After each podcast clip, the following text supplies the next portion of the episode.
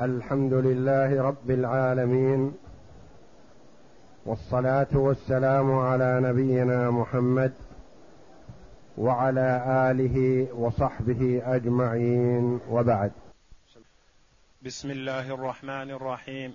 فصل وإذا صحت الكفالة فتعذر إحضار المكفول به لزمه ما عليه لقول النبي صلى الله عليه وسلم الزعيم غارم. ولأنها, ولأنها أحد نوعي الكفالة فوجب الغرم بها كالضمان.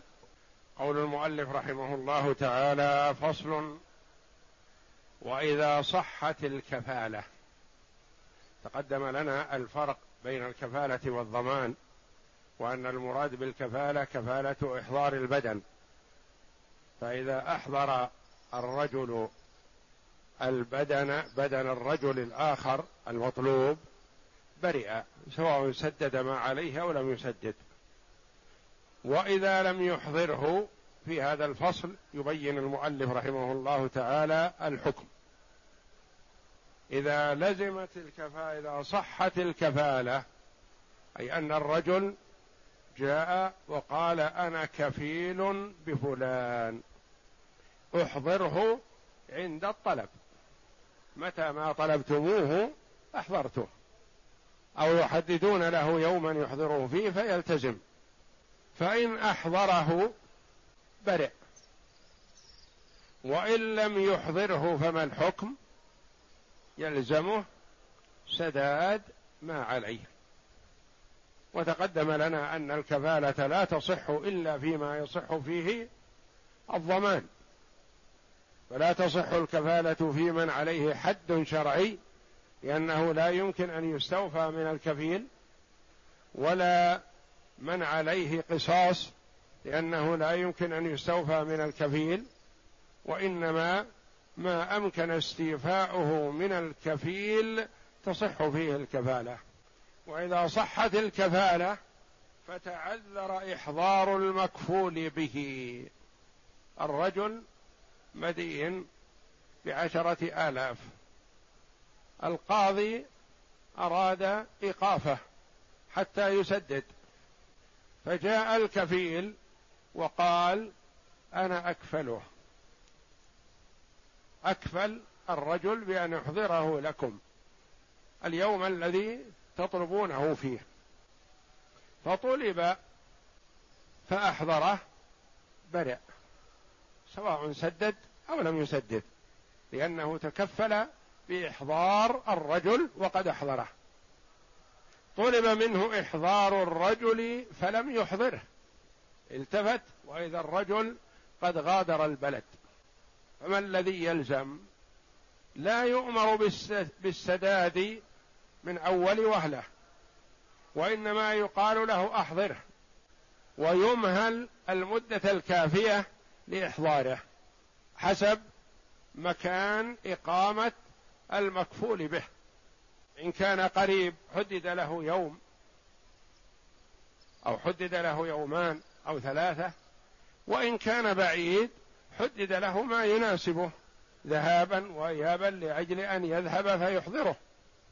فيحدد له الأيام المناسبة فإن أحضره خلالها برئ. وإن لم يحضره لزمه ما عليه. يقول أنا لست بضامن. وإنما أنا كفيل. نقول نعم أنت كفيل. لو أحضرت ما كفلت لكفى ولبرئت ذمتك. لكن لما لم تحضره اذا ما نفعت كفالتك. وإن فيلزمك أن تسدد ما عليه من حق. لقول النبي صلى الله عليه وسلم الزعيم غارم. ويوسف عليه السلام قال الله جل وعلا عنه أنه قال ولمن جاء به حمل بعير وأنا به زعيم. يعني كفيل بهذا الحمل ندفعه له. الزعيم غارم. ولأنها الغرب. أحد نوعي الكفالة. الكفالة كفالة إحضار الشخص. كفالة إحضار العين. ما أحضر الشخص ولا أحضر العين فيلزمه ما لزمه. فوجب الغرم بها كالضمان. نعم. فإن غاب المكفول به أمهل كفيله قدر ما يمضي إليه فيعيده لأن ما لزم تسليمه لم يلزم إلا بمكان التسليم. فإن غاب المكفول به يعني المدين طلب فلم يوجد. فيقال للكفيل نعطيك مهلة تحضر الرجل. هو قد يطلب مهلة يقول أعطوني ستة أشهر. وصاحب الحق يقول نعطيك خمسة أيام. هو يقول لا يكفيني إلا ستة أشهر لأنه مسافر في بلد بعيد. وصاحب الحق يقول خمسة أيام. يوم ذهاب بالطائرة واليوم ويوم الرجوع ويوم تبحث عنه وتأتي به.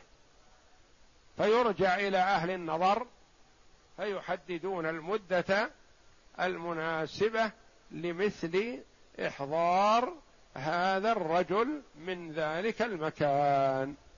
فإنه مأمور أن يذهب إليه فيحضره. ما دام أنه كفيل ما يقال ما يقول انتظروا حتى يأتي. لا. يقال أحضره. اذهب إليه وأحضره. وهذه فائدة الكفالة. فإن تعذر عليه إحضاره لزمه ما عليه. نعم. فإن مضى زمن الإمكان ولم يفعل لزمه ما عليه أو بذل العين التي كفل بها. فإن مضى زمن الإمكان يعني أعطي مهلة لإحضاره فلم يبالي ولم يذهب ليحضره ولم يسأل عنه ولم يطلبه. مضت المدة نقول تعال أنت المطلوب الآن سدد ما عليه. إن كان دينا سدده وإن كنت كفلت بعين مثلا فسلم هذه العين أو قيمتها. نعم. فإن مات أو تلفت العين بفعل الله تعالى سقطت الكفالة لأن الحضور سقط عن المكفول به فبرئ كفيله كما يبرأ الضامن ببراءة المضمون عنه. فإن مات أو تلفت العين بفعل الله تعالى. مات المكفول به. الرجل قال امهلوا صاحبي وأنا كفيل بإحضاره. قال القاضي نريد أن تحضره يوم الاثنين يوم السبت. تحضره يوم الاثنين بعد صلاة الظهر. فالتزم بذلك. الرجل أصيب فمات. مات يوم الأحد.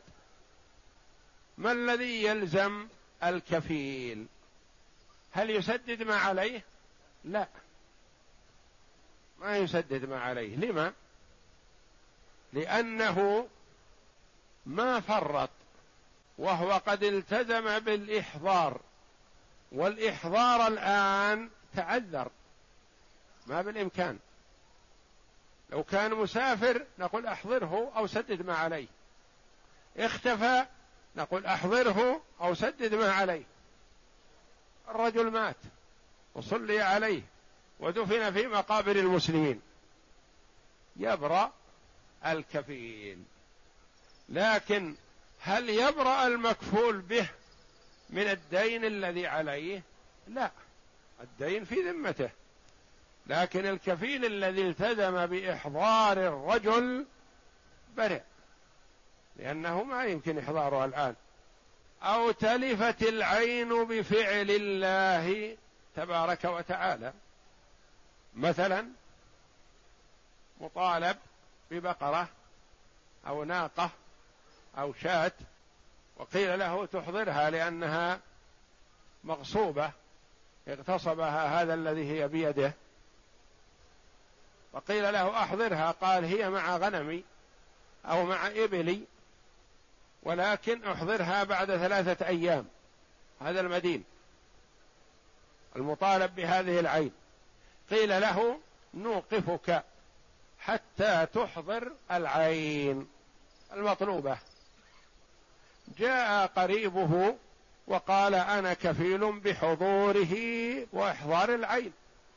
كفيل بحضوره ومعه العين يوم الاثنين. فسمح له القاضي بالخروج ما دام وجد الكفيل وجد. العين هذه تلفت يوم الأحد بين السبت والاثنين. لم يتعد عليها متعد ولم يفرط فيها مفرط وإنما ماتت حتف أنفها. بدون تسبب أو جناية. ما الذي يلزم الكفيل؟ لا يلزم شيء لأنه التزم بإحضار العين في حال وجودها فالعين تلفت. من هي بيده وتلفت عنده بفعل الله جل وعلا؟ هل يبرأ منها؟ لا ما يبرأ. هي في ذمته لأنها من الأشياء المضمونة مثلا غصب أو عارية لكن الكفيل برئ لأنه تعذر إحضار العين بفعل من الله تبارك وتعالى. ما في جناية.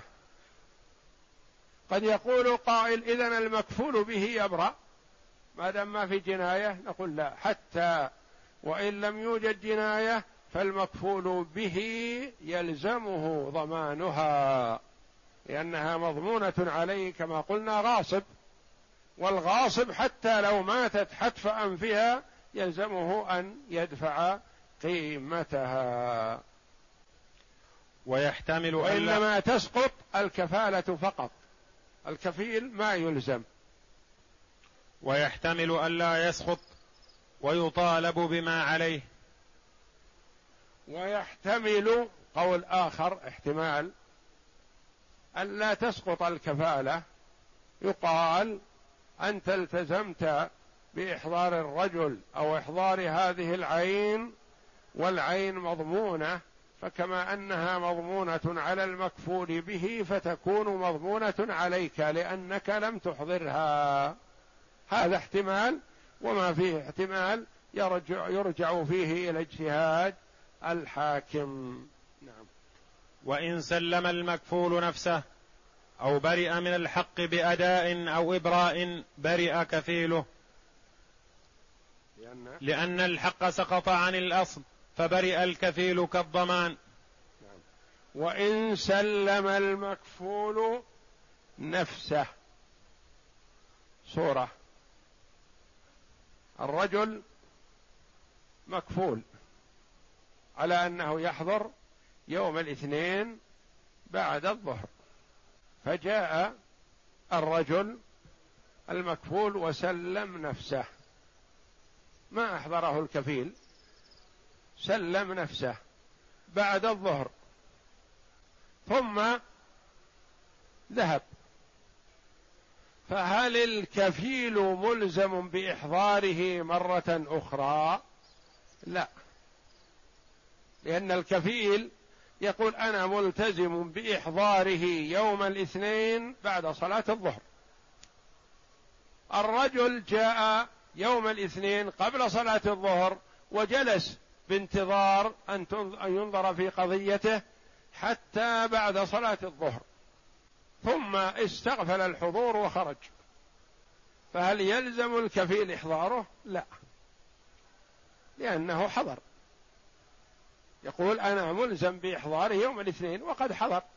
يقال ما أحضرته أنت وإنما هو حضر. يقول نعم وإن كان. ما دام الرجل أنتم لكم إحضار الرجل. احضره أنا أو يحضره ابني أو يحضره أخي أو يحضره هو بنفسه تبرأ ذمتي منه. ما دام سلمتكم إياه يوم الاثنين بعد الظهر برئت ثم هو إذا استغفلهم وهرب أو خرج فهم يبحثون عنه والكفيل برئ منه ما دام أنه محدد. وإن سلم المكفول نفسه أو برئ من الحق. صورة أخرى الرجل كفل هذا أن يحضره يوم الاثنين بعد صلاة الظهر. صاحب الحق الذي له الحق. يوم الأحد أتاه من أتاه من الأخيار وقالوا له هذا الرجل الذي تطالبه أنت فقير ومعدم والكفيل يتمكن من حضوره وإحضاره لكن ما الفائدة؟ لا أحضرته وأتعبته وما عنده شيء. فقال أشهدكم أنني عفوت عنه. لا أطالبه بشيء. فهل يلزم الكفيل بأن يحضره يوم الاثنين بعد الظهر؟ لا. لأن المكفول برئ أبرئ. والحضور من أجل كونه مشغول الذمة. والآن لا داعي لحضوره. فيبرأ الكفيل. أو برئ من الحق بأداء أو إبراء. أو برئ من الحق بأداء أو إبراء. الصورة التي صورناها بإبراء. المكفول به على أنه مطلوب يحضر يوم الاثنين. رزقه الله مالا يوم الأحد فسارع وسدد. وأعطى صاحب الحق حقه. وقال ما في حاجة نروح للمحكمة يوم الاثنين. فهل يلزم الكفيل أن يحضره يوم الاثنين للمحكمة؟ لا لأن الذمة برئت. سدد أو سومح بالمبلغ فلا حاجة إلى الإحضار فيكون الكفيل قد برئ من الإحضار. برئ كفيله. لأن الحق سقط عن الأصل فبرئ الكفيل كالضمان. الحق سقط عن الأصيل بسداده أو إبراء ذمته فمن باب أولى يسقط طلب الحضور من الكفيل. نعم. وإن أبرأ الكفيل صح كما يصح إبراء الضامن ولا يبرأ المكفول به كالضمان. وإن أبرئ الكفيل صح كما يصح إبراء الضامن.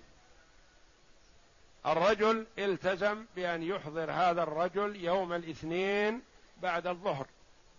لأجل حق عليه. فجاء الكفيل إلى صاحب الحق وقال يا أخي أنا كفلت لك فلان بأني يحضره يوم الاثنين بعد الظهر. والآن اليوم السبت وأنا عندي عزم على السفر إلى مكة للعمرة. فأرجوك يا أخي تعفيني من الكفالة. قال أنت في حل. ما دام أنك تسافر للعمرة فأنا سامحتك وادعو لي بخير. هل يبرأ المكفول في هذه الحال؟ لا. لأن الرجل أبرأ الكفيل فقط ولم يبرئ المكفول ولم يسقط حقه. وهذا معنى قوله رحمه الله وإن أبرئ الكفيل صح كما يصح إبراء الضامن ولا يبرأ المكفول به. يعني الدين ما يسقط ولا يبرأ المدين. إن ما حضر على ما طلب منه يحضر. ولا يلزم الكفيل بإحضاره لأنه سومح وتنزل عن كفالته. نعم. وإن قال رجل أبرئ الكفيل أبرئ. وإن قال رجل أبرئ الكفيل وأنا كفيل بمن تكفل به ففيه وجهان. أحدهما يصح لأنه نقل الضمان إلى نف... نقل الضمان إلى نفسه فصح كما لو أحال الضامن المضمون له على آخر. والثاني لا يصح لأنه شرط في الكفالة أن يبرئ الكفيل وهو شرط فاسد فمنع صحة العقد. وإن قال رجل أبرئ الكفيل وأنا كفيل بمن تكفل به. الرجل مكفول كفله زيد فجاء عمرو إلى صاحب الحق وقال أنت لك حق على فلان وقد كفله أخوه وأخوه عرض له عارض يريد سفرا. فأبرئه من الكفالة وأنا كفيل بمن تكفل به. فهل يصح فيه قولان؟ اولا قال يصح. لأنه قال له أبرئ زيد من الكفالة وأنا أتكفل بما تكفل به. قالوا هذا مثل ما لو أحال الضامن بالدين على شخص آخر. فيصح. الضامن ألزم بسداد ما التزم به فكتب حواله على شخص آخر له عليه حق فأحاله. يصح. وكذلك هذا الرجل يقول أبرئ زيد من الكفالة وأنا كفيل بما تكفل به. فيصح. القول الثاني قالوا لا يصح. لأن هذا الالتزام الصادر من الكفيل الجديد مبني على طلب إسقاط الكفالة من الأول وهذا شرط غير صحيح. يعني التزم بشرط أن تسقط الكفالة عن فلان وأنا كفيل به. قالوا كونه يشترط أن يسقط الكفالة عن فلان هذا شرط غير صحيح فلا يصح. وهذه المسائل كثيرا ما تحصل. يقول تكفل لك فلان بما بإحضار فلان وفلان يريد سفرا وأنا أريد أن تتنازل عنه وأنا أحضره. فهل يصح أو لا يصح؟ قولان. فصل. وإذا قال أنا كفيل بفلان أو بنفسه أو بدنه أو وجهه صحت الكفالة. وإذا قال أنا كفيل بفلان أو بنفسه أو بدنه أو وجهه صحت الكفالة. يعني فرق بين أن يقول أنا كفيل بوجه فلان أو كفيل ببدن فلان. هذه كفالة صحيحة. لو قال أنا كفيل بيد فلان أو أنا كفيل برجل فلان أو أنا كفيل برأس فلان يقصد شعره شعر رأسه. فهل تصح الكفالة أو لا؟ قالوا إذا كانت في جزء مما لا تبقى معه الحياة بفصله فتصح الكفالة. لو قال أنا كفيل بوجه فلان ما يمكن يحضر وجهه وحده وهو حي. فمعناه أنه يحضر بدنه كامل. قال أنا كفيل ببدن فلان. أنا كفيل بنفسه. أنا كفيل بروحه. أحضره لكم. هذه صحيحة. لأنه لأن هذه المسميات ما يمكن أن يحضرها دون بقية أجزاء الجسم والرجل حي. بخلاف ما إذا قال أنا كفيل بيده. قد يقول قائل ما دام كفيل بيده يقطع يده ويأتي بها والرجل حي يهرب. ويقول أنا قلت لكم كفيل بيده وهذه يده. فهل يصح أو لا؟ وإن كفل ببعض جسده فقال القاضي لا يصح لأن كفل ببعض جسده ببعض جسده قال أنا أحضر لكم قدم فلان مثلا. فهل تصح هذه الكفالة؟ نقول لا لا تصح. يقول القاضي أبو يعلى رحمه الله لا تصح لأنه ممكن يبتر قدمه ويحضرها للقاضي وماذا يستفاد منها؟ يقول أنا التزمت لكم بقدمه وهذه هي. فلا تصح الكفالة كذا بل لابد أن يذكرها ببدنه أو جسمه أو روحه أو رأسه الذي لا يمكن أن ينفصل والرجل حي. لا يصح لأن ما لا يسري إذا خص به بعض الجسد لم يصح كالبيع. وقال غيره إن كفل بعضو لا تبقى الحياة بدونه كالرأس والقلب والظهر. صحت لأنه لا يمكن تسليمه بدون تسليم البدن. فالقاضي أبو يعلى يقول لا تصح بجزء من البدن. وقال غيره نفصل. إن كان هذا الجزء من البدن ما تستقيم الحياة بدونه مثل قال أنا كفيل بقلبه أنا كفيل برأسه أنا كفيل برقبته مثلا. هذه الأشياء كفالة صحيحة لأنه ما يمكن يحضر رقبته والرجل حي ولا يمكن أن يحضر قلبه بدونه. بخلاف ما إذا قال أنا كفيل بقدمه أو أنا كفيل بأذنه أو أنا كفيل برأسه ويقصد شعر رأسه فهذه ممكن يحضرها والرجل يهرب. فلا تصح الكفالة. لأنه لا يمكن تسليمه بدون تسليم البدن فأشبه الوجه. وإن كفل بغيرها كاليد والرجل ففيه وجهان. أحدهما لا يصح لأن تسليمه بدون البدن ممكن والثاني يصح.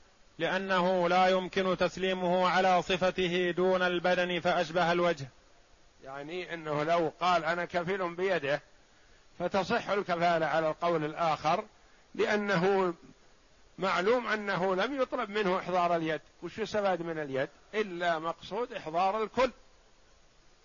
القول الآخر أنها لا تصح لأنه ممكن أن يحضر اليد والرجل يهربه ويهرب. والله أعلم. وصلى الله وسلم وبارك على عبده ورسول نبينا محمد وعلى آله وصحبه